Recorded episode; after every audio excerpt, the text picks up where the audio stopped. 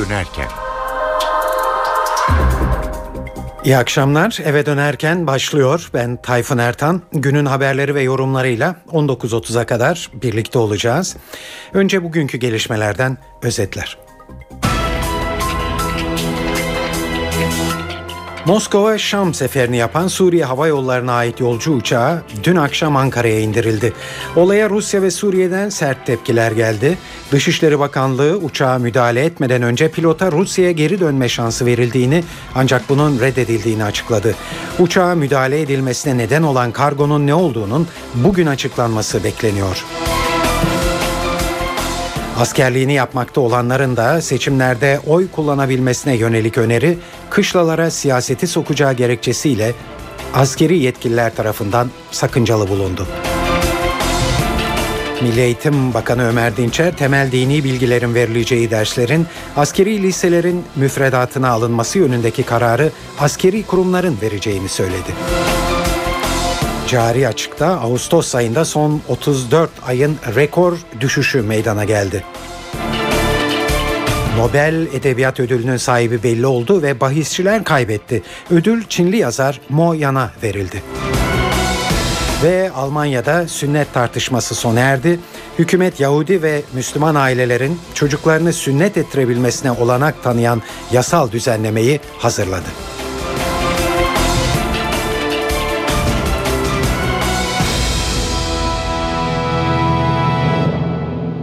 Şimdi bu haberlerin ayrıntılarına geçiyoruz. Ankara-Şam arasındaki krizde dün akşam kritik bir aşamaya gelindi. Dün akşam saatlerinde Moskova-Şam seferini yapan Suriye Hava Yolları'na ait bir yolcu uçağı askeri mühimmat ve silah taşıdığı şüphesiyle Ankara Esenboğa Havaalanı'na indirildi. Arama 5 saat sürdü ve füze parçası olduğu söylenen bir kargoya el kondu. Aramanın ardından Suriye uçağı gece saat 02.30 sıralarında 35 yolcusuyla Ankara'dan ayrıldı. Bu konunun tüm ayrıntılarına bakacağız tabii ama önce bu konudaki en sıcak gelişmelerle başlayalım. Rusya'nın Ankara Büyükelçisi Vladimir Ivanovski bugün öğleden sonra Dışişleri Bakanlığı'na çağrıldı. Rus Büyükelçi Dışişleri Bakanlığı Müsteşarı Feridun Sinirlioğlu'yla görüştü. Yaklaşık 40 dakika süren görüşmede Büyükelçi'ye Moskova'dan kalkan uçakta bulunan malzemelerle ilgili rahatsızlık anlatıldı. Bu görüşmenin ayrıntılarını NTV muhabiri Didem Tuncay'dan dinliyoruz. Rusya'nın Ankara Büyükelçisi Vladimir Ivanovski yaklaşık 40 dakika kaldı bakanlıkta Müsteşar Feridun Sinirlioğlu ile görüştü ve hemen belirtelim görüşme Dışişleri Bakanlığı'nın Müsteşar Feridun Sinirlioğlu'nun isteği üzerine gerçekleşti. Büyükelçiye dün yaşananlarla ilgili bilgi verildi ve Rusya'dan da uçaktaki malzemelerle ilgili bilgi talep edildi. Uçakta bulunan ve el konulan malzemelerin sivil havacılık e, kurallarına uygun olmadığı vurgulandı görüşmede de. E, Suriye'ye ait uçakta hemen belirtelim 17 Rus yolcu da vardı ve 4 yolcunun darp edildiği iddia ediliyordu. Dışişleri Bakanlığı tarafından bu iddiada yalanlandı. Son notlar bu şekilde. Dışişleri Bakanlığı bu temasların hemen sonrasında yazılı bir de açıklama yaptı. Bu açıklamada uçağa müdahale etmeden önce pilota Rusya'ya geri dönme şansı verildiği ancak bunun reddedildiği belirtildi. Ayrıca uçakta Rus yolcu olduğunun bilinmediği de açıklandı. Dışişleri Bakanlığı açıklamasından notları NTV muhabiri Ahmet Ergen'den alıyoruz. Açıklamanın 3 paragraflık açıklamanın son bölümünde uçağın Türkiye'den ayrılmasından sonra öğrenilen, elde edilen bilgiler olduğu belirtiliyor ve bu bilgilerden biri de uçakta Rus vatandaşlarının da bulunduğu yönünde ve e, uçak Ankara'dan ayrılmasından kısa bir süre önce bu öğrenilmiştir. Bunun ardından da Rus yolcularla ilgili olarak Büyükelçilik yetkililerine bilgi aktarılmıştır deniyor. Konuyla ilgili olarak Rusya Federasyonu Dışişleri Bakanlığı'nın da bu sabah Moskova Büyükelçiliği, Türkiye'nin Moskova Büyükelçiliği tarafından bilgilendirildiği belirtiliyor. Başa dönersek e, olayın uçağın Suriye'ye ait uçağın e, Esenboğa Havalimanı'na indirilmesiyle ilgili sürecin bir özetini görüyoruz açıklamada. E, 10 Ekim'de dün itibariyle Moskova Şam e, güzergahında sefer yapan e, Suriye Hava Yolları'na ait ticari uçakta askeri malzeme taşındığına dair bir ihbar alındığı belirtiliyor ve bu ihbarın alınmasının ardından Durum uçağa Karadeniz üzerinde sefer halindeyken bildirilmiştir deniyor ve e, bu bildirimin e, bildirimle aynı zamanda pilota geri dönme şansı verecek şekilde bildirim yapıldığı özellikle belirtiliyor ancak uçağın pilotunun dönmeyi tercih etmemesi üzerine e, saat 17.15'te de inişin gerçekleştirildiği belirtiliyor. Dışişleri Bakanlığı'nın açıklamasının ikinci bölümünde e, Rus basınında çıkan ve uçaktaki yolcuların yaptıkları açıklamalarla gündeme gelen bazı iddialara yanıt olabilecek nitelikte ifadeler var. Uçaktaki tüm yolcuların emniyetleri ve olabilecek ihtiyaçlarının karşılanması için gerekli önlemler alınmıştır deniyor Dışişleri Bakanlığı'nın açıklamasında ve yolculara istedikleri takdirde uçağı terk ederek bekleme salonuna geçebilecekleri bildirilmiştir. Ancak yolculardan sadece birkaçı e, bu e, buna uymuş, uçaktan ayrılmış. Diğerleri çoğunluk olanları uçakta beklemeyi tercih edin, etmiştir deniyor. Yine olabilecek, oluşabilecek sağlık sorunlarına karşı her türlü önlemin alındığı vurgulandıktan sonra yolcuların hayatının ve güvenliğinin tehlikeye düşürülmüş olmasına ilişkin olarak ortaya atılan endişelerin dayanağı bulunmamaktır, bulunmamaktadır ifadelerine yer veriliyor. Başlarken de aktarmıştık. Uçağın pilotu yolcu listesini ve yolcuların milliyeti konusundaki bilgileri Türk tarafına vermekten kaçınmıştır ve bu bilgileri vermemiştir ifadeleri var. Uçakta Rus vatandaşlarının bulunduğu da e, uçağın Ankara'dan ayrılmasından çok kısa bir süre önce Ankara'daki Rusya Büyükelçiliğinden öğrenilmiştir deniyor. Bunun ardından da hem Büyükelçilik nezdinde hem de Türkiye'nin Moskova Büyükelçiliği aracılığıyla Rus Dışişleri Bakanlığı'na bu konularda bilgi aktarıldığı vurgulanıyor. Evet Türkiye uçak kriziyle ilgili olarak son bir saat içinde Suriye'ye bir de nota verdi. Notada yolcu uçağında askeri malzeme taşımanın sivil havacılık kurallarıyla bağdaşmadığı ifade edildi. Gümrük Bakanı Hayati Yazıcı da uçakta bulunan askeri malzemenin incelenmesinin bugün içerisinde sona ereceğini söyledi. Uçağa müdahale edilmesine neden olan kargonun ne olduğu ile ilgili resmi açıklamanın da bugün yapılması bekleniyor. NTV muhabiri Ercan Gürses anlatıyor. Gümrük Bakanı Hayati Yazıcı ile Meclis Kulisi'nde bu konuda değerlendirme yapma imkanı oldu. Gümrük Bakanı aynen şu ifadeyi kullandı. Bizim hangarlarımızda bekliyor malzemeler. Yani Suriye uçağında el konulan malzemeler şu anda gümrük hangarlarında ve bunların incelemeleri devam ediyor. Ancak bazılarının laboratuvar incelemeleri söz konusu olabilir ki laboratuvar incelemesi olması gerekenler e, söz gelimi bomba yapımı malzemeler. Bunu bakan doğrudan söylemiyor ama laboratuvar incelemesi gerektiren malzemeler. Şayet bunlar olmazsa bugün itibariyle bu araştırmalar bu son sonuçlanabilir ve bu malzemelerin evsafı tam olarak ortaya çıkabilir. Bununla ilgili resmi açıklamanın yapılabileceği yönünde bir sinyal bakanın söylediği incelemelerin bugün bitebileceği yönünde bir açıklama yaptı. Evet bunlar uçak olayıyla ilgili en son haberlerdi. Şimdi biraz geriye dönelim ve olayı yöneten yetkililerin yaptığı açıklamalara geçelim. Dışişleri Bakanı Ahmet Davutoğlu uçağın neden indirilmiş olduğunu açıklarken bu uçağın kargosunda sivil havacılık gereği taşınması doğru olmayan bazı malzeme bulunduğu bilgisi geldi dedi. Bunun üzerine Başbakan Erdoğan'ın yapılacak müdahale ile ilgili olarak onayının istendiği anlaşılıyor. Yapılması gereken bildirimin unsuru olmayan bazı malzemelerin e, varlığı söz konusu olduğu için biz e, bu e, işlemin, incelemenin ve işlemin devamı için malzemeleri elimizde tutuyoruz. Bizim için mahsur telakki e, edilebilecek unsurlar var. Bu uygulamalar zaten daha önceki askeri uçuşlarla ilgili biliyorsunuz getirdiğimiz kısıtlamalar vardı. Ama sivil bir uçuşta bizim için mahsurlu ve bildirimde bulunması gereken nitelikteki malzemelerin bildirilmemiş olması e, dediğim gibi böyle bir durum olması durumunda tekrar aynı işlem yapılır. Ulaştırma Bakanı Binali Yıldırım da e, Suriye ile uçak krizi konusunda soruları İzmit'te, e, e, İzmir'de yanıtladı. Havacılık kurallarına aykırı yük taşındığı gerekçesiyle uçağın indirildiğini söyleyen Yıldırım, gerekirse haklarımızı yarın da kullanırız dedi. Sivil havacılık maksatlı uçuş yapan uçakların hiçbir şekilde askeri malzeme, silah niteliğindeki malzemeyi taşıyamazlar. Türkiye'nin amacı hava sahamızın güvenli bir şekilde kullanılması, insanları öldürecek, işlere asla ve asla yardımcı olmamasıdır. Haklarımızı kullanırız. Bugün de kullanırız. İcap ettiğinde yarın da yine bu hakkımızı kullanırız. Saat 18.10 NTV e, radyoda eve dönerken haberleri dinliyorsunuz.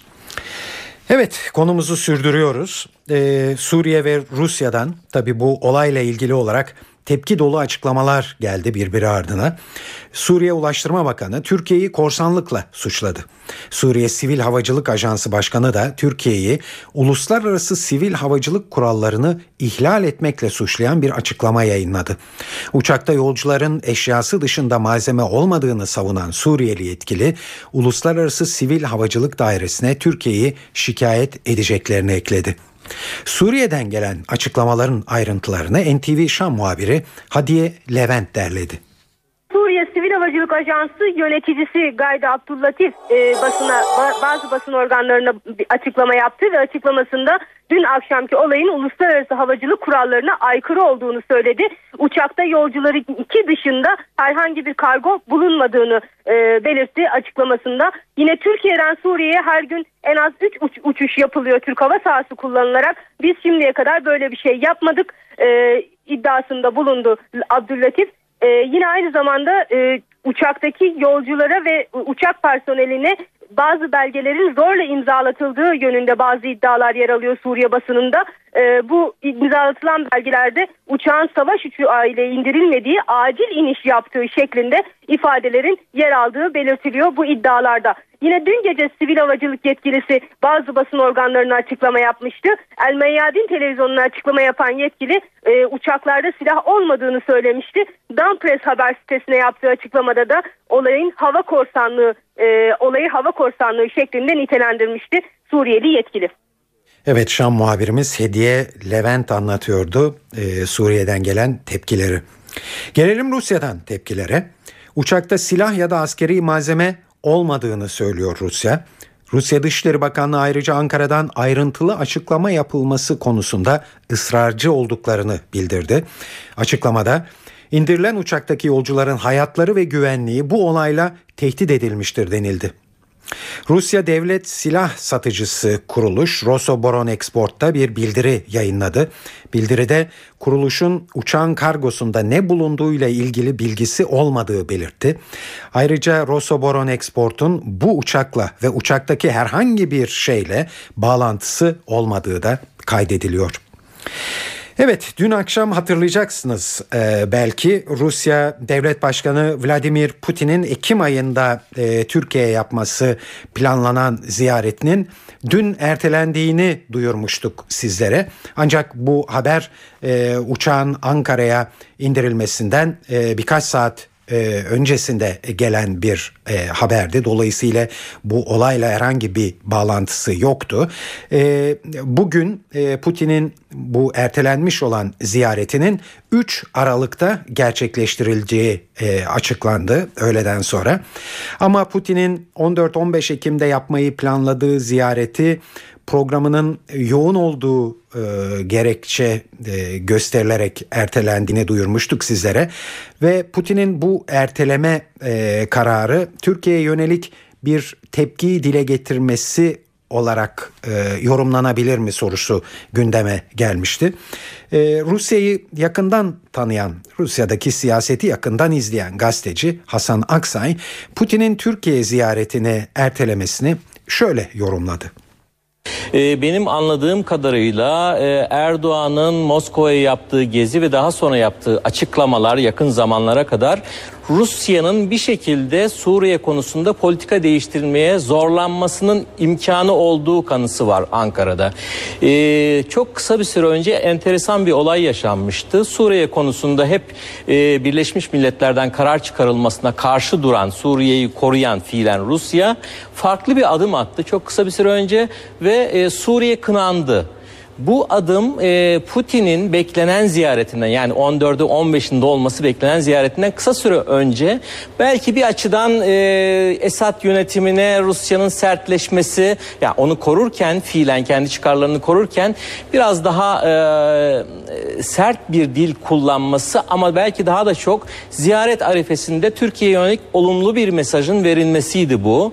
E, daha çok böyle algılandı ama Ankara'da nasıl algılandı onu tam bilemiyorum. Belki Ankara'da bunun algılanması evet bakın bastırıyoruz, aktif politika izliyoruz ve Rusya'da tavır değiştiriyor. Biraz daha yüklenirsek Rusya daha fazla da tavır değiştirebilir. Bizim dediğimize yakın mevzilere gelebilir. E, hareket olmuş olabilir diye düşünüyorum çünkü e, Ankara'dan yapılan açıklamalar hükümet adına Başbakanın, Dışişleri Bakanlığı'nın iddialı aktif politikası Türkiye'nin sahip olduğu gücün bölgede e, abartıldığı izlenimi uyandırıyor. Eğer böyle bir şey varsa, eğer bu versiyon doğruysa buna Putin bir tepki göstermiş ve ziyaretini somut sonuç vermeyeceği, en azından şu tarihlerde somut sonuç vermeyeceği için birkaç hafta ya da bir iki ay sonraya bırakma kararı almış olabilir. Evet bu e, yorumu e, Rusya'da siyaseti yakından izleyen gazeteci Hakan Aksay getirdi. E, uçak gerginliği ile ilgili çeşitli yorumlar var önümüzde ama onları biraz sonraya erteleyelim ve e, şimdi İstanbul'daki yol durumuna bir göz atalım. Bunun için de tabii Büyükşehir Belediyesi Trafik Kontrol Merkezi'nden Murat Kazanazmaz'a başvuruyoruz. Mutlu akşamlar. Trafik yoğunluğu Anadolu yakasından Avrupa yakasına geçiş yönünde Boğaziçi Köprüsü'nde Çamlıca trafiği ve sonrasında köprü yönünde etkili olurken Altunizade ve sonrasında yoğunluğun köprü yönünde biraz daha fazlalaştığını görmekteyiz. Fatih Sultan Mehmet Köprüsü'nde Ataşehir trafiğindeki yoğunluğun devam ettiğini söyleyelim. Köprü girişi ve köprü üzerindeki yoğunluk şu anda artmış vaziyette ama Kavacık bağlantı noktasında trafiğin biraz daha hareketli olduğunu söyleyebilmek mümkün şu anda. Avrupa'dan Anadolu'ya geçişte Boğaziçi Köprüsü'nün girişi ve köprü üzerindeki yoğunluk başladı. Yıldız katılımı ve köprü üzerinde yoğunluk artmış vaziyette. Arka kısımda Çağlayan geliş noktasıyla Haliç Köprüsü bağlantı noktalarında yoğunluğunda devam ettiğini söyleyebiliriz. Avrupa Anadolu geçişinde Fatih Sultan Mehmet Köprüsü'nün girişi ve köprü üzeri yoğunlaştı. Bu akşam gişeler öncesindeki yoğunluk artışı da çok fazla. Köprü girişi ve köprü üzerinde yoğun trafik şu anda arttı. Arka kısımda Hastal ve Seyrantepe trafiğinin yoğunluğu da devam ediyor. Cevizli Bağ'da Merter istikametinde Merter'de Cevizli Bağ istikametinde yoğun trafik yer ararken Haliç Köprüsü'nde havalimanı istikametinde oluşan yoğunluk köprü istikametinde devam etmekte. Ok Meydanı Kasımpaşa, Ok Meydanı Çağlayan dönüş noktalarında yoğun trafik etkisini hissettirmeye başladı. Vatan Caddesi'nden Aksaray'a dönüş yönünde ise yoğun trafik devam ediyor.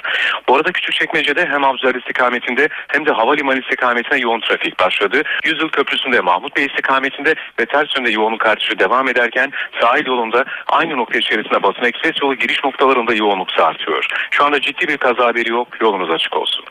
Saat 18.19 NTV Radyo'da eve dönerken e, haberlerde şimdi e, Ankara'ya resmen gidiyoruz. E, naklen yayınımızda Başbakan Erdoğan'ın yaptığı açıklamalar var. istirahat etme imkanı hazırlandı. Tedbirler buna göre alındı. Fakat içeriden birkaç kişi çıktı.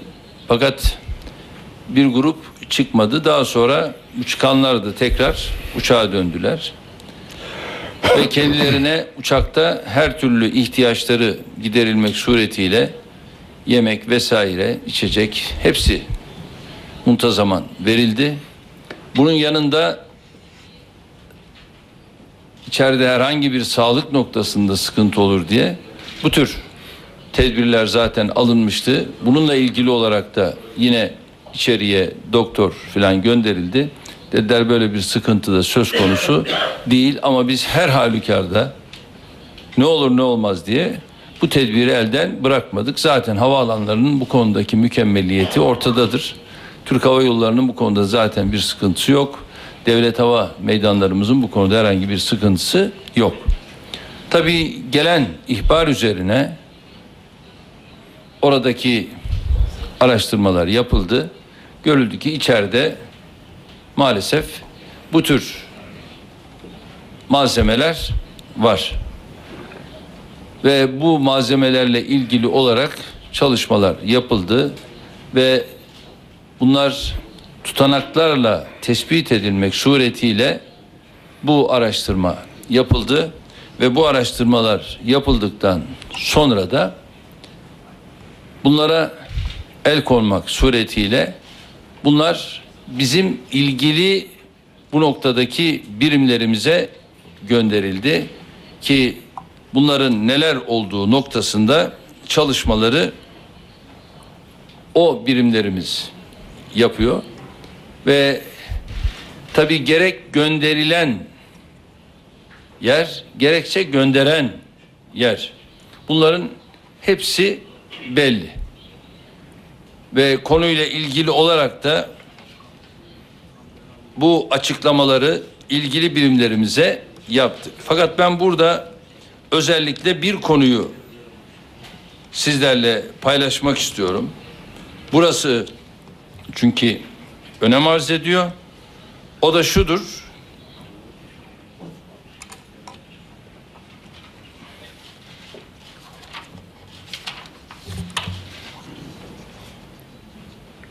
Değerli arkadaşlar,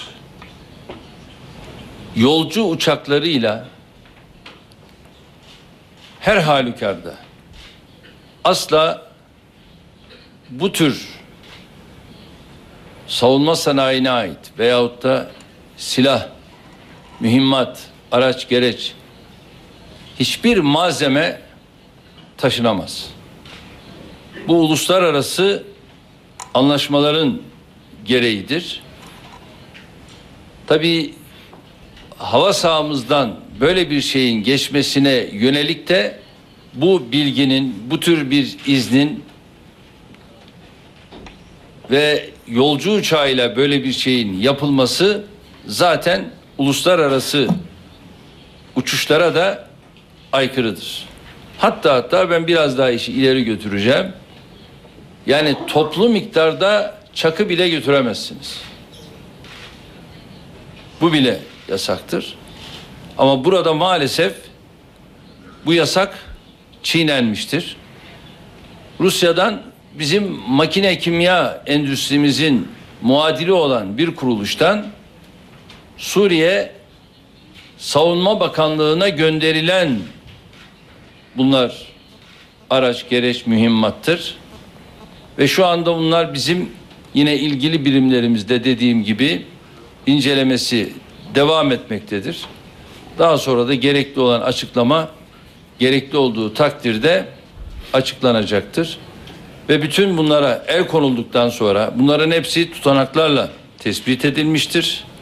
Ve uçak yolcularıyla beraber yaklaşık 9 saatlik bir Esenboğa'daki alıkonulmadan sonra tekrar kendi güzergahında yolcularıyla birlikte yoluna devam etmiştir. İhbar noktasında takdir edersiniz ki bu tür kuruluşlar neresi ihbar ettiği bunlar açıklanmaz. Bunu da artık sizin anlayışınıza bırakıyorum. Teşekkür ediyorum. Buyurun. Efendim benim sorum da size Seval Yılmaz Sekin Kanal Türk Televizyonu. Ee, dün akşam yaşanan olayın ardından Rus makamlarının ayrıntılı açıklama istediği yönünde bir bilgi var. Ayrıca Suriye'nin de Türkiye'yi korsanlıkla suçladığı yönünde bir bilgi var. Buna Türkiye'nin tepkisi ne olacak? Nasıl bir adım atılacak? Bir de 8'inde Vladimir Putin'le bir telefon görüşmesi yaptığınızı biliyoruz. Ee, o Vladimir Putin'in ziyaretinin ertelenmesi, Aralık ayın ertelenmesini bu olayla bağdaştıran yorumlar var. Buna yanıtınız ne olacak? Teşekkürler. Değerli arkadaşlar, Sayın Putin'in Türkiye'ye yapacağı ziyaret bir defa bizim dört gün önce yaptığımız telefon görüşmesinde zaten mutabık kaldığımız bir konudur. Ve tarihini birlikte diplomatik çevrelerimiz 3 Aralık olarak o görüşmemizden sonra belirlemişlerdir. Ve biz bu görüşmeyi kendileriyle yaptık. Yaklaşık bir 45 dakikalık bir görüşmeydi. Ve o görüşme neticesinde de bunun 3 Aralık'ta yapılması konusu dışişleri yetkililerimiz tarafından biliyorsunuz bugün sanıyorum saat 3 gibi açıklanmış olması gerekiyor. Açıklanmıştır. Olayın bununla hiçbir alakası yok. Bunları birbirine karıştırmayalım. Bunlar farklı şeyler. Fakat e, açıklamanın istenmesi hususunda ise az önce de söylediğim gibi zaten ne gönderildiği bunların hepsi ilgili birim tarafından da bilinmektedir. Bunu da ben sizlere az önce ifade ettim. Yani Rusya'nın silah ve mühimmat askeri malzeme ihracatını yapan ajansı yani bizim makine kimya endüstrisi gibi Rusya'daki bir bürodan, ofisten veya kurumdan nasıl derseniz deyin. Onun gönderdiği, ihraç ettiği ürünler bunlar ve alıcı firma da artık firma demiyorum çünkü bakanlık alıyor. Bu da oradaki şeylerde var. Suriye Milli Savunma Bakanlığı. E artık bunun neler olabileceğini sizler de tahmin edin, anlayın ve şu anda da bu tür malzemelere el konulmuştur. Ve bunlar da şu anda bizim ilgili birimlerimizdedir ve üzerlerindeki çalışmalar da devam etmektedir. Evet çok teşekkür ediyoruz. Sağ olun. Saat 18.27 NTV Radyo'da eve dönerken e, haberlerde e, Başbakan Erdoğan'ın e, Ankara'da e, yaptığı basın e, toplantısında olayla ilgili açıklamalarını canlı olarak sizlere getirdik. Evet Suriye ile Türkiye arasında ortaya çıkan bu uçak gerginliği ile ilgili e, yorumlarla devam edeceğiz şimdi. Birkaç kritik konu var üzerinde durulması gereken. Bunlardan biri Suriye uçağında el konmuş olan kargonun ne olduğu. Bazı spekülatif bilgiler var bu konuda. Az önce e, Başbakan Erdoğan'ı dinlediniz. E, o da e, Türkiye'nin MKS'ına karşılık e, gelen e, bir e, kuruluştan gönderildiğini bu silahların adresinde Suriye olduğunu söyledi. Milliyet gazetesi Ankara temsilcisi Fikret Bila anlatıyor bu konudaki değerlendirmeleri. Tabii öncelikle e, bu indirilen yükün ne olduğunu anlaşılması e, lazım. Şu anda uzmanlar bu yük üzerinde çalışmalarını sürdürüyorlar. Uçakta e, sivil havacılık yoluyla taşınmaması gerektiği kanaatine varılan bazı yükler olduğu e, bildirildi. Bizim aldığımız bilgilere göre de e, bu yükler indirildi uçaktan kargosuna el konuldu ve şu anda inceleniyor. Çok değişik duyumlar var. Net olarak uçakta şu yük var dememiz şu anda mümkün değil. Bu incelemelerin sonucunu beklememiz lazım. Kim haberlere göre e, telsiz aletleri olduğu ifade ediliyor. telekomünikasyon aletleri olduğu söyleniyor.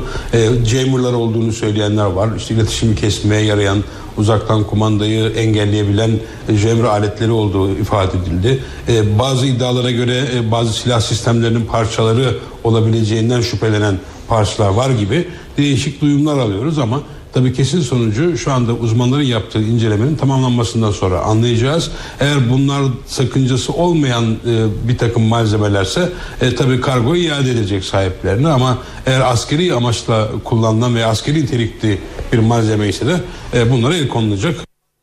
Evet bu olayla ilgili ikinci kritik nokta Türkiye'nin Suriye yüzünden Rusya ile ilişkilerini bozma noktasına getirmesi. Bu konuyu da emekli büyükelçisi Uluç Özülker'in değerlendirmesini istedik. Moskova'dan bir sivil uçak kalkmadan evvel tıpkı bizim havaalanlarımızda da olduğu gibi mutlaka bütün aramalar yapılmaktadır, yüklemeler yapıl yapılırken kontroller yapılmaktadır vesaire. Eğer siz bu bütün güvenlik önlemlerine rağmen bu uçağı sizin yönünüzden fevkalade riskli ve önemli bir yükleme yapıldığı iddiasıyla ortaya çıkıyorsanız o zaman Rusya'ya karşı bir ithamda bulunuyorsunuz demektir. Çünkü Rusya netice itibariyle Moskova'dan kalkan bu uçağa bunların yüklenmesi hususunda göz yummuştur. Bu ciddi bir durum. İkincisi de böyle bir nedir içinde ne olabilir doğrusu hiç tahmin edemiyorum. Böyle bir şüphe bu kadar ileri giden ve bu kadar risk almayı gerektiren şüphe ne olabilir? Yolcu uçağında ama her halükarda Suriye yönünden de baktığınızda bir yolcu uçağının indirilmesi zaten çok zorda olan ilişkileri iyiden iyiye çıkmaza doğru sürükleyebilir. Dolayısıyla e, benim buradaki esas endişem Suriye ile zaten bir düşmanlık ilişkisi içinde bulunduğumuz için çok ciddiye almayabilirsiniz Suriye uçağını indirmeyi kaldırmayı ama Rusya'dan kalkıp da buraya gelmekte olan bir uçağı indirdiğiniz anda Rusya ile ilişkilerinize ve Rusya'ya karşı da bu çerçeve içinde vereceğiniz cevabı da peşinen herhalde düşünmüş olmanız gereklidir. Ne tarafından bakarsanız bakın Türkiye ile Rusya'nın ilişkilerinde Suriye yüzünden mutlak bir bozuşmaya gitme ihtimal ve şansı olmamalıdır. Uçak gerginliği ile ilgili bir başka kritik nokta ise istihbarat konusu. Yapılan açıklamalar müdahalenin güvenilir bir istihbarata dayalı olarak yapıldığına işaret ediyor. Bu ne olabilir sorusu kritik bir soru. Az önce Başbakan Erdoğan bu konuda herhalde bir açıklama yapmayı yapmamızı bekleyemezsiniz e, dedi. Bilgesem Başkanı Atilla Sandıklı ise e, şu görüşte. Bu kadar kesin ve ani hemen tepkisel reaksiyon verebilecek e, bir istihbarat ancak çok güvenilir ve kesin bir istihbarata dayalı olarak yapılır bu tip şeyler. Bunda e, alalade bir istihbarat kaynağından e, bu bilgi alınarak böyle bir şey yapılması biraz zor gözüküyor. Bizim istihbarat kaynaklarından güvenilirliği ve e, doğruluğu teyit edildikten sonra şey yapılır. Onun için birçok istihbarat kaynağından teyit edilmesi gerekiyor. Ama bazı işlenmiş istihbarat olarak gelebiliyor Türkiye'ye istihbarat. Bu nerelerden gelebilir? Şu anda baktığımızda Amerika Birleşik Devletleri ve NATO'dan böyle bir istihbarat gelirse bu güvenilir ve hemen reaksiyon gösterilebilir bir istihbarattır. Tahmin ediyorum ben bunların ikisinden birisinden geldiğini ki bu kadar hızlı bir reaksiyon göstermemizin nedeninin e, bu istihbaratın doğru ve e, güvenilir bir bilgiye dayandığını e, doğrultusundaki e, emareler doğrultusunda böyle bir operasyon yapılmıştır diye düşünüyorum. Geçen hafta Suriye'den Türk topraklarına top mermileri düştüğünde Türkiye Suriye'ye verilen elektriğin kesilebileceği uyarısında bulunmuştu. Ancak bu uyarıda kalmış, fiiliyata sokulmamıştı. Şimdi Suriye'nin bir hafta önce Türkiye'den elektrik almayı durdurduğunu öğreniyoruz. Enerji ve Tabi Kaynaklar Bakanı Taner Yıldız açıkladı bu durumu. Kendi tercihleri olarak Suriye e, bir hafta kadar önce elektrik alımını durdurdu. Bu e, bizim Suriye halkına her zaman yardımcı olabilmemiz için geliştirdiğimiz bir politikaydı. Tercih etmeleri halinde yine bütün e, Suriye halkının yararlanması adına bu kapının açık olduğunu söylüyoruz. Ama e, tabii ki kendileri almak isterlerse yoksa bu, bunu tek taraflı bir tercih olarak yaptıklarında e, belirtmek isterim. O yüzden şu ana kadar e, belli bir e, oranda yaptıkları e, bu alıma geçen hafta itibariyle durdurmuşlardır. Evet, Suriye'nin Azmarin kasabasında yoğunlaşan çatışma sesleri Hatay'ın sınır köylerinden duyulmaya başlandı. Muhaliflerin ağır, kayıplar verdiği çatışmalardan kaçan Suriyeliler Asi Nehri'ni geçerek Türkiye'ye sığınıyor. Çatışmaların e, yoğunlaştığı bölgeden de büyük göç dalgası bekleniyor. NTV bölge temsilcisi Hasan Uylaş sınırdaki son durumu anlatıyor. Suriye-Türkiye sınırında yeni bir göç dalgasından bahsedebiliriz. Ancak bu zorlu yolculuk biraz daha farklı olacak. Zira Suriye'den Türkiye'ye sığınmak isteyen mülteciler bu sefer Aslı Nehri'ni sallarla geçerek zorlu bir yolculuk yapmak zorunda. Sınırın diğer tarafında günlerdir çatışmalar devam ediyordu. Dün sabah itibariyle Azmarin bölgesinde çatışmalar yoğunlaşmıştı ve bu bölgedeki çatışmalardan kaçan yüzlerce Suriyeli sivil de sallarla Aslı Nehri'ni geçerek Türkiye'ye sığınmıştı. Dün gece itibariyle Suriye ordusunun bölgede yeni bir operasyon başlattığı bilgisi geldi ve bu operasyonlardan kaçan binlerce Suriyeli sivil de yerel kaynaklara göre Türkiye sınırına yönelmiş durumda. Dün Başbakan Recep Tayyip Erdoğan Türkiye'ye sığınan mülteci sayısının 99 bini aştığını ve 100 bine dayandığını söylemişti. Bölgedeki çatışmaların devam ettiğini göz önüne alırsak bu, bu sayının bugün artabileceğini söyleyebiliriz. Sınırın diğer tarafında çatışmalar devam ediyor. Bölge sıcak, bölge hareketli ve biz haftalar ele geçiren grup Suriye'nin 3. büyük kenti İdlib'in de kontrolünü ele geçirecekti. Zira işte bu noktayı kaybetmek istemeyen Suriye ordusu bölgede yeni bir operasyon başlatmış durumda.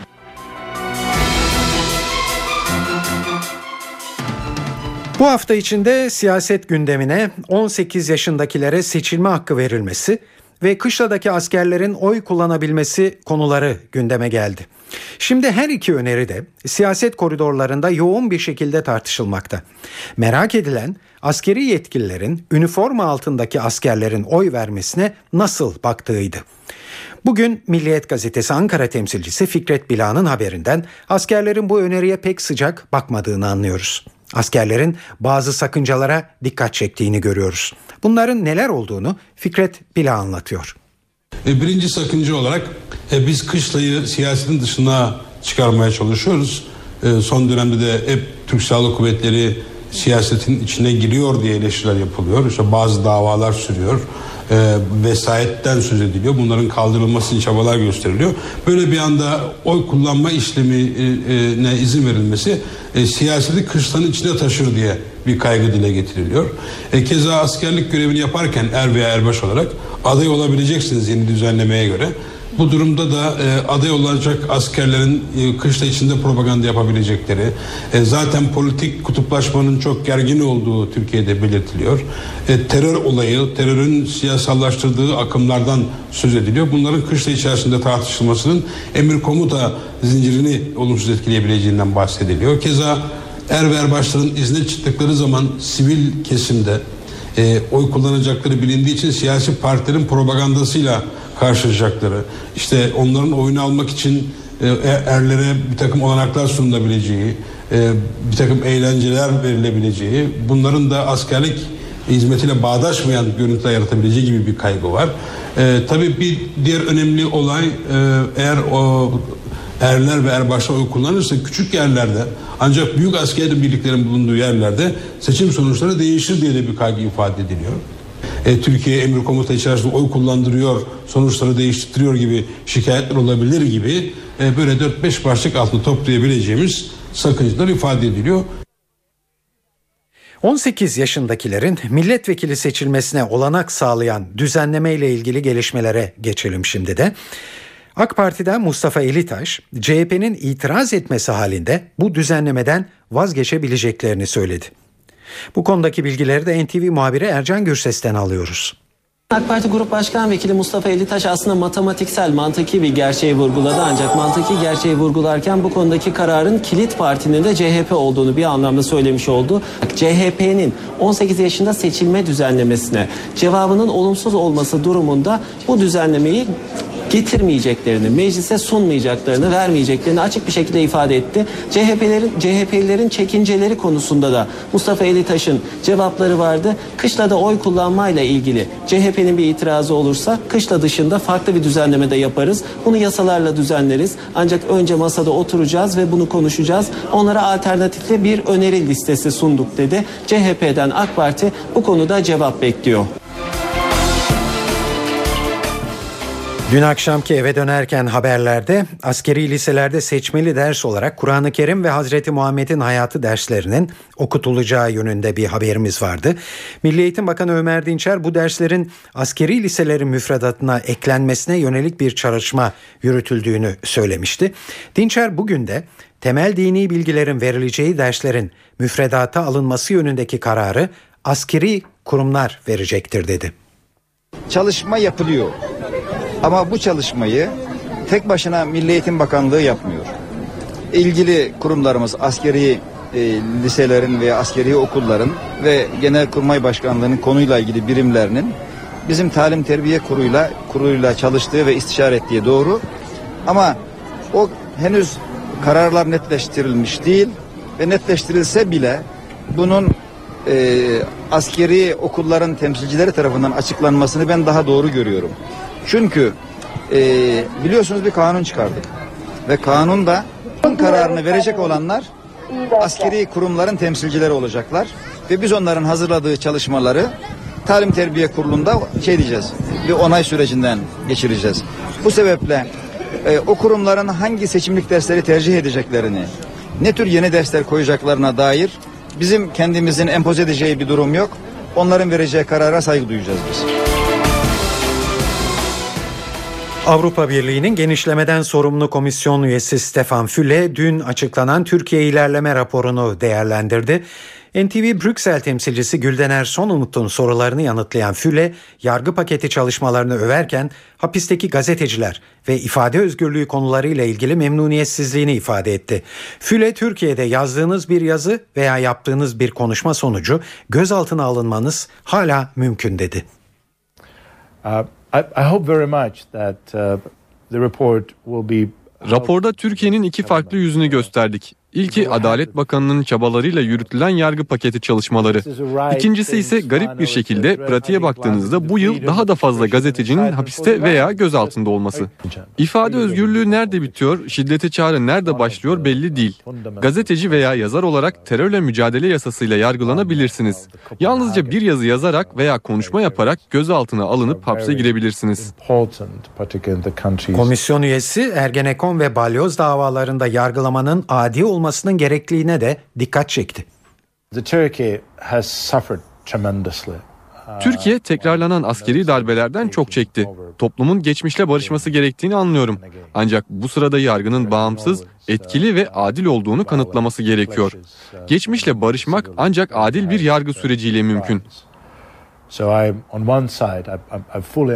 Füle, Suriye ile yaşanan sınır gerginliği ise çok ciddi bir konu olarak değerlendirdi. Suriye ordusundan Türkiye'ye yöneltilen provokasyon çok ciddi bir konu. Bu arada Türkiye'nin binlerce mülteciye ev sahipliği yapmasını minnetle karşılıyoruz. Avrupa Birliği olarak Türkiye'ye bu konuda kaynak sağlayabilmek için seçenekleri değerlendiriyoruz. Saat 18.48 NTV Radyo'da eve dönerken haberleri dinliyorsunuz. Türk ekonomisinin hassas karnı diyebileceğimiz cari açık istenen yönde küçülmeye devam ediyor. Cari işlemler açığı Ağustos ayında geçen yılın aynı ayına göre %71 azalarak 1,1 milyar dolara geriledi. Ağustos ayı rakamları son 34 ayın en düşük cari açığı oldu. Maliye Bakanı Mehmet Şimşek ve Ekonomi Bakanı Zafer Çağlayan'ın bu konudaki değerlendirmelerini NTV muhabiri Ahmet Ergen derledi. Ekim 2009'dan bu yana yani son 34 aydır ortaya çıkan en iyi cari açık rakamıyla karşı karşıyayız. Hem Maliye Bakanı Mehmet Şimşek'in hem de Ekonomi Bakanı Zafer Çağlayan'ın açıklamasındaki ortak vurgulardan biri bu. Bir diğer önemli nokta enerji ithalatı hariç e, cari açık rakamlarına bakıldığında yine oldukça olumlu bir tablo söz konusu. Ekonomi Bakanı Zafer Çağlayan'ın açıklamasında yer alan bu ifadeye göre enerji e, dışı cari açıkta şimdiye kadar ulaşılan en iyi düzeye gelinmiş durumda Ağustos dönemi itibariyle. Maliye Bakanı Mehmet Şimşek'in açıklamasına baktığımızda bu durumu bir başarı olarak yorumluyor ve Türk iş dünyasının Euro bölgesinde derinleşen borç krizine ve artan küresel e, belirsizliklere rağmen elde ettiği bir başarı olduğunu vurguluyor bunun. Cari açığın daralmasında turizm gelirlerindeki artışın etkili olduğunu belirtiyor Maliye Bakanı ve hemen rakam olarak aktaralım. Net turizm gelirlerinde yıllık bazda 18,8 milyar dolara e, ulaşan bir artış olduğuna yönelik e, bir değerlendirmesi var. Maliye Bakanı Mehmet Şimşek'in yine yıl sonu itibariyle e, cari açığın gay, gayri safi yurt içi hasılaya oranının %7,3'e gerileyeceğini tahmin ettiklerini belirtiyor Maliye Bakanı ve cari açığa dair bu olumlu gelişmeler e, Türkiye ekonomisine ilişkin risk algısını daha da iyileştirecektir. E, Maliye Bakanı Şimşek'in değerlendirmesi bu yönde. E, Ekonomi Bakanı Zafer Çağlayan da yine özellikle benzer vurgulardan sonra ihracattaki iyileşmenin, e, cari açıktaki iyileşmenin en önemli kaynaklardan biri olduğunu belirtiyor. Aktarmamız gerekirse 18 milyar dolarlık 8 ayda bir iyileşme vardı. 14,5 milyar dolarının mal ve hizmet ihracatı artışından 3,5 milyar dolarının da ithalattaki azalmadan kaynaklandığını belirtiyor Ekonomi Bakanı Zafer Çağlayan. Açıklamaların hem ortak noktası hem de cari açığa ilişkin yaklaşımlara dair en önemli vurguları bu şekilde. Evet bu haberi bugün para ve sermaye piyasalarında yaşanan gelişmelerle sürdürelim. CNBC'den Benel Hızarcı'yı dinliyoruz. Yurt dışı piyasalar güne İspanya'nın not düşüşü haberiyle başladı. Moody's'den beklenen not düşüşü S&P'den geldi. Bu yıl içinde üçüncü kez not düşüren kredi kuruluşu İspanya'nın notunu çöp statüsünün bir basamak üzerine e, çekti ve böylece e, iki basamak birden de bir not e, indirimi gerçekleşmiş oldu.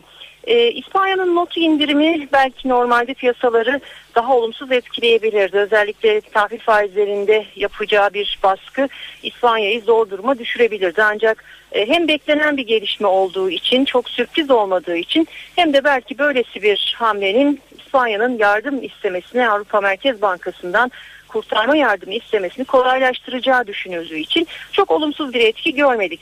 E, bize ise e, yurt dışındaki gelişmelerin yanı sıra içeride açıklanan cari açık verisi piyasalar üzerinde daha fazla etkili oldu. E, sabah saat 10'da TÜİK cari e, denge rakamlarını açıkladı Ağustos ayı için. Beklenti 1,8 e, milyar dolarlık bir açık olacağı yönündeydi.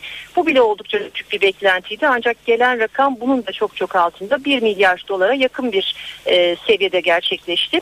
Cari açıktaki bu beklentinin altındaki düşüş, e, cari açıktaki daralmanın hız kazanmış olması, ekonomide e, beklenen yumuşak iniş senaryosuna e, uygun e, bir e, gelişme olması bunun ve tabii e, kredi notu kuruluşları açısından da cari açıktaki daralmanın hız kazanmış olmasının olumlu etkileri düşünülünce piyasalar üzerinde olumlu etkide bulunduğunu söyleyebiliriz. Cari açık rakamından sonra hem borsada alımlar e, İMKB'yi yurt dışından pozitif ayrıştırdı. Hem Türk lirasında bir değer kazancı gördük. Faizde de bir miktar gerileme izledik. Günün ikinci yarısında yurt dışı piyasalarında toparlanmasıyla birlikte ki bu toparlanma Amerika'dan gelen veriler sonrasında saat 15.30'dan sonra daha da belirginleşti. Borsa e, bu yılın zirvesinden bir kapanış gerçekleştirdi. Günün sonunda değer artışı %1,64. Endeks söylediğimiz gibi 2012 yılının zirve seviyesinde 69.578 puanda kapandı. Gösterge bileşik faiz günün sonunda %7,59 oldu. Dolar Türk lirası da 1.81 civarında bir kapanış gerçekleştirdi. Moskova Şam seferini yapan Suriye Hava Yolları'na ait yolcu uçağı Ankara'ya indirildi. Olaya Rusya ve Suriye'den tepkiler geldi. Dışişleri Bakanlığı uçağa müdahale etmeden önce pilota Rusya'ya geri dönme şansı verildiğini ancak bunun reddedildiğini açıkladı. Uçağa müdahale edilmesine neden olan kargonun ne olduğunun bugün açıklanması bekleniyor. Evet Başbakan Erdoğan Suriye'ye ait yolcu uçağının Ankara'ya indirilmesiyle ilgili açıklamalarda bulundu. Bu konuda şu anda zihinleri en çok meşgul eden konu Türkiye'nin uçağı indirmesine neden olan kargonun tam olarak ne olduğu. Bu konuda yarım saat kadar önce tam da e, bu konuya değinen Başbakan Erdoğan bu araçlar Rusya'daki bizde makine kimya endüstrisi kurumuna benzer bir kuruluştan Suriye Savunma Bakanlığı'na gönderilen malzemelerdir. Gerek gönderilen yer, gerek gönderen kişi hepsi belli diye konuştu. Rusya'dan bizim makine kimya endüstrimizin muadili olan bir kuruluştan Suriye Savunma Bakanlığı'na gönderilen bunlar araç gereç mühimmattır. Ve şu anda bunlar bizim yine ilgili birimlerimizde dediğim gibi incelemesi devam etmektedir. Daha sonra da gerekli olan açıklama gerekli olduğu takdirde açıklanacaktır. Ve bütün bunlara el konulduktan sonra bunların hepsi tutanaklarla tespit edilmiştir. Ve uçak yolcularıyla beraber yaklaşık 9 saatlik bir Esenboğa'daki alıkonulmadan sonra tekrar kendi güzergahında yolcularıyla birlikte yoluna devam etmiştir. İhbar noktasında takdir edersiniz ki bu tür kuruluşlar neresi ihbar ettiği bunlar açıklanmaz. Evet Moskova Şam seferini yapan Suriye Hava Yolları'na ait yolcu uçağının Ankara'ya indirilmesiyle e, birlikte Ankara ile Şam arasındaki krizde tabii kritik bir aşamaya gelindi. E, bugünkü e, sıcak gelişmeleri size e, hızla yansıtarak e, devam edelim bu konuda.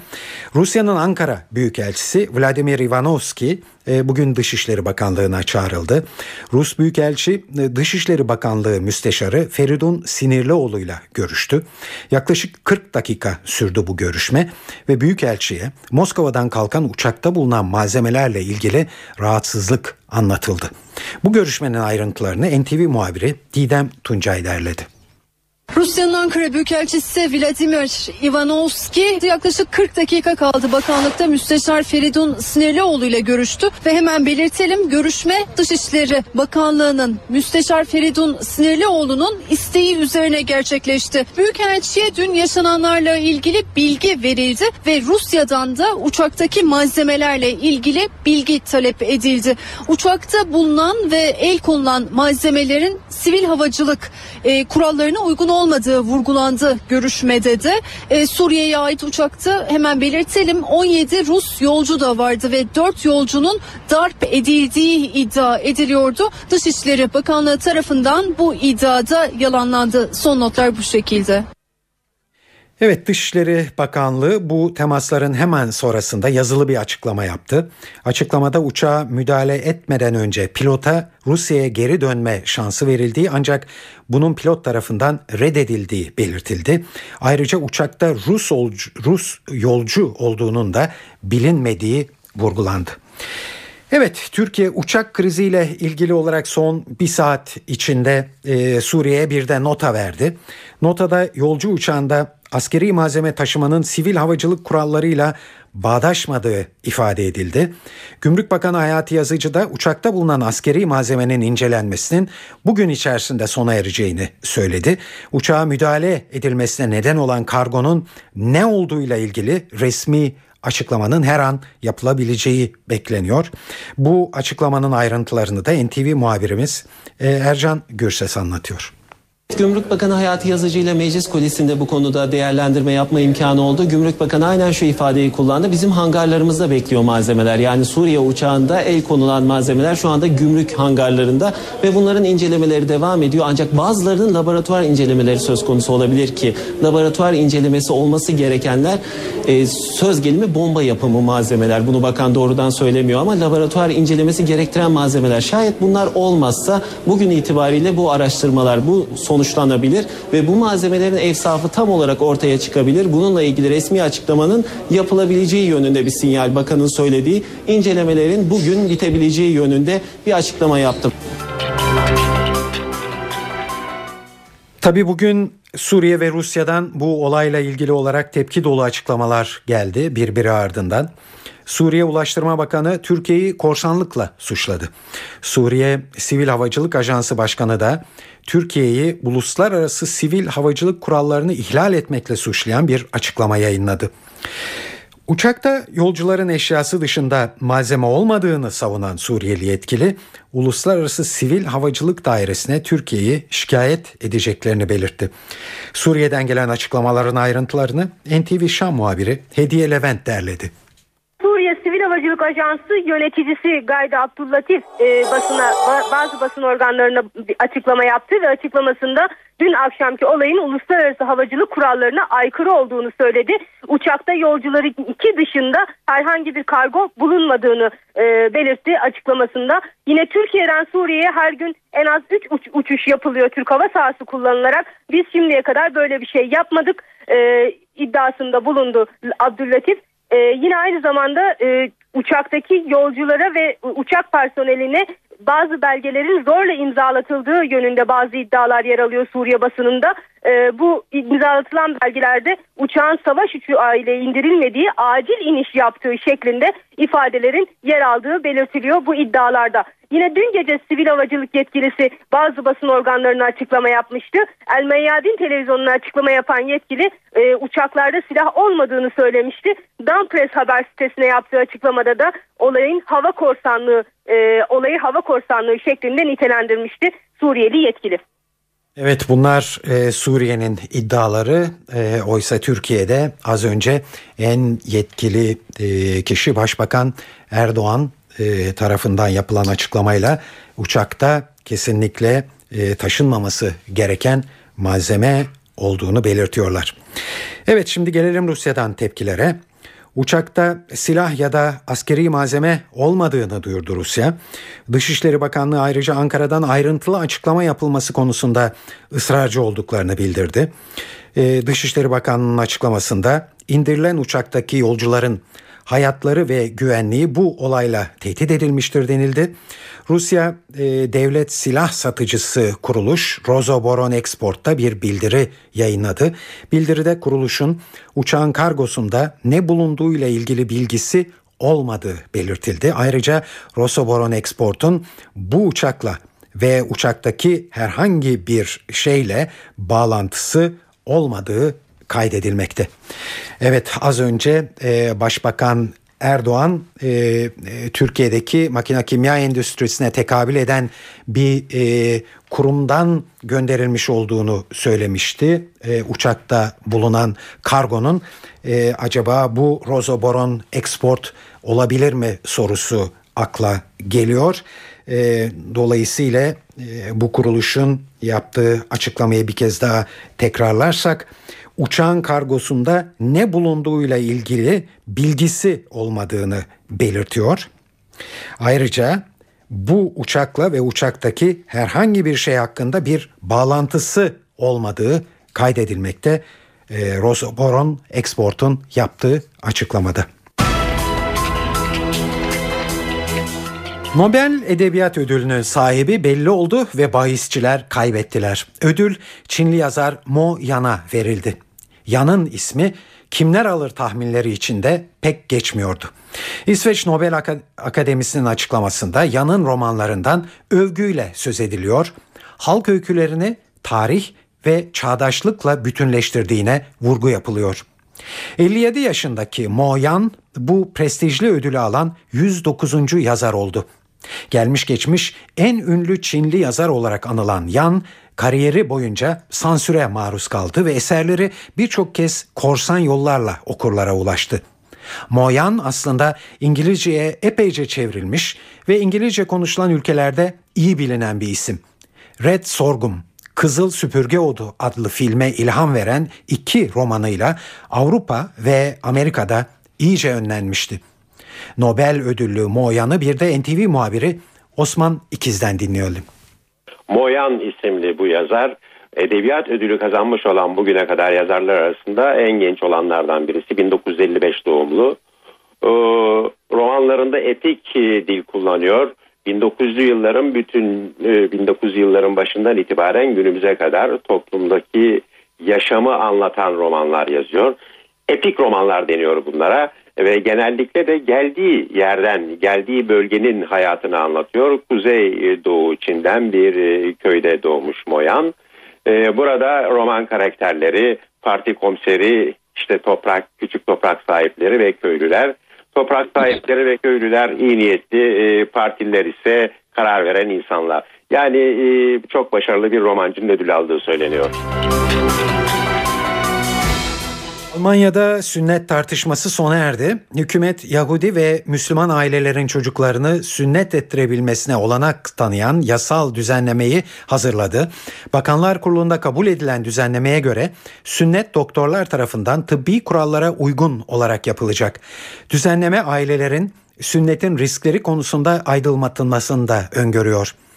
Almanya Adalet Bakanı yeni düzenleme ile ülkede yaşayan farklı dinlere mensup insanların dini inançlarını istedikleri gibi yaşayabileceklerini söyledi. Almanya'nın Köln şehrinde bir mahkeme sünneti adam yaralama suçu kapsamına almış. Bu karar Yahudi ve Müslümanların tepkisine yol açmıştı. Amerika Birleşik Devletleri'nde başkanlık seçimine bir ay kala taraflar arasında başa baş bir yarış var. Ancak dünya genelinde tablo farklı. Başkan Barack Obama'nın uluslararası arenada ülkesindeki seçmenlere kıyasla çok daha fazla desteğe sahip olduğu görülüyor. 32 ülkede 26 bin kişiyle yapılan Amerikan başkanlık seçimi araştırmasına göre Barack Obama'yı %81 destek verilirken tercihini Mitt Romney'den yana kullananların oranı sadece %19'da kaldı. Türkler Obama'ya en fazla destek verenler arasında yer alıyor. Türkiye'de görüşü sorulan 500 kişiden %94'ü Obama'ya, %6'sı Romney'e destek veriyor. Romney'nin Obama'yı geride bıraktığı tek ülke İsrail oldu. Araştırma dünyanın önemli bir kısmının Amerikan seçimlerinde oy hakkı istediğini de ortaya çıkardı.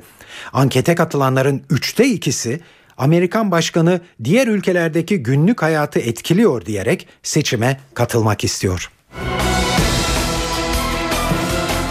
Şimdi isterseniz kültür sanat faaliyetlerine kısaca bir göz atalım.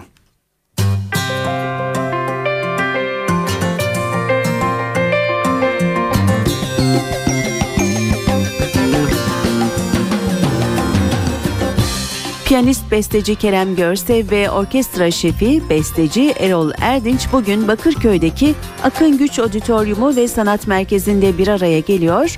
Konserleri saat 20'de başlayacak.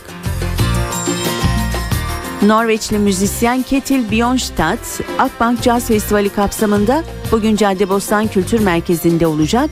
50'den fazla albümü bulunan sanatçı Ken Loach ve Jean-Luc Godard gibi pek çok ünlü yönetmenin filmine de müzik yaptı. Müzisyenliği dışında yazarlığıyla da öne çıkan sanatçı saat 20.30'da sahnede olacak. 5. Uluslararası Beden Müziği Festivali başladı. Festival kapsamında Nardis Jazz Club'da bugün Keith Terry ve Max Pollack'ın da aralarında bulunduğu Amerikalı müzisyenler cazın kökenleriyle ilintili kendi geleneksel ve çağdaş stillerinden örnekler sunacak. Bu özel gecede sanatçılar enstrüman olarak yalnızca bedenlerini kullanacaklar. Konser saat 21.30'da. Nesrin Kazankaya'nın yazıp yönettiği Ah Simirnam, Güzel İzmir'im adlı oyun bugün Sabancı Üniversitesi Gösteri Merkezi'nde seyirciyle buluşacak. Oyun 1923'ün İzmir'inde geçiyor. Aysan Sümercan, Muhammed Uzuner ve Defne Halman'ın da aralarında bulunduğu kalabalık bir oyuncu kadrosu bulunan oyunun başlama saati 20. İstanbul dışındaki etkinlikler ise şöyle. Geçen günlerde Sarı adlı albümüyle hayranlarının karşısına çıkan Cihan Barbur bugün İzmir'de bir konser veriyor. Bios Bar'daki konseri saat 22.30'da başlayacak. Ankara Nefes Bar'da da bu akşam bir nefes Karadeniz başlıklı bir konser var. Marsis Turan Ustabaş ve konuk sanatçı olarak Erdal Bayrakoğlu'nun sahne alacağı gece saat 21'de başlayacak. İzmir Devlet Tiyatrosu Nora Bir Bebek Evi adlı oyunuyla başkente konuk oluyor. Norveçli oyun yazarı Henrik Ibsen'in yazdığı oyunda Nora adlı fedakar bir kadının evliliği üzerinden erkek egemen topluma eleştirel bir bakış sunuluyor. Ankara Küçük Tiyatro'da sahnelenecek olan oyun saat 20'de başlayacak. Antalya Altın Portakal Film Festivali de devam ediyor. Festival kapsamında bugün AKM Aspendos'ta Sağ Salim adlı film gösterilecek. Filmde yaşamını kamyonetiyle köyden kasabaya mal götürerek kazanan Salim'in kendisi gibi bir kimsesizin cenazesini Mersin'den Sivas'a ücretsiz götürmeyi kabul etmesiyle başlayan macerası anlatılıyor. Salim'in bir gününü anlatan film Ersoy Güler'in ilk uzun metraj denemesi filmin başlama saati 20.30.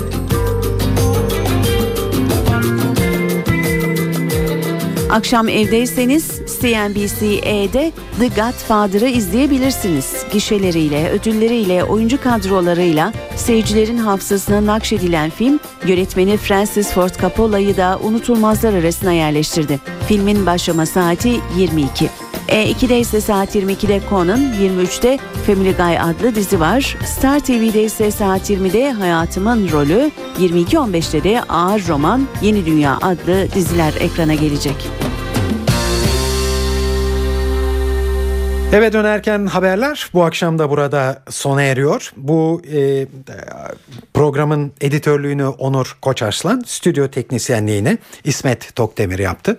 Ben Tayfun Ertan. Hepinize iyi akşamlar diliyoruz. Hoşçakalın. NTV Radyo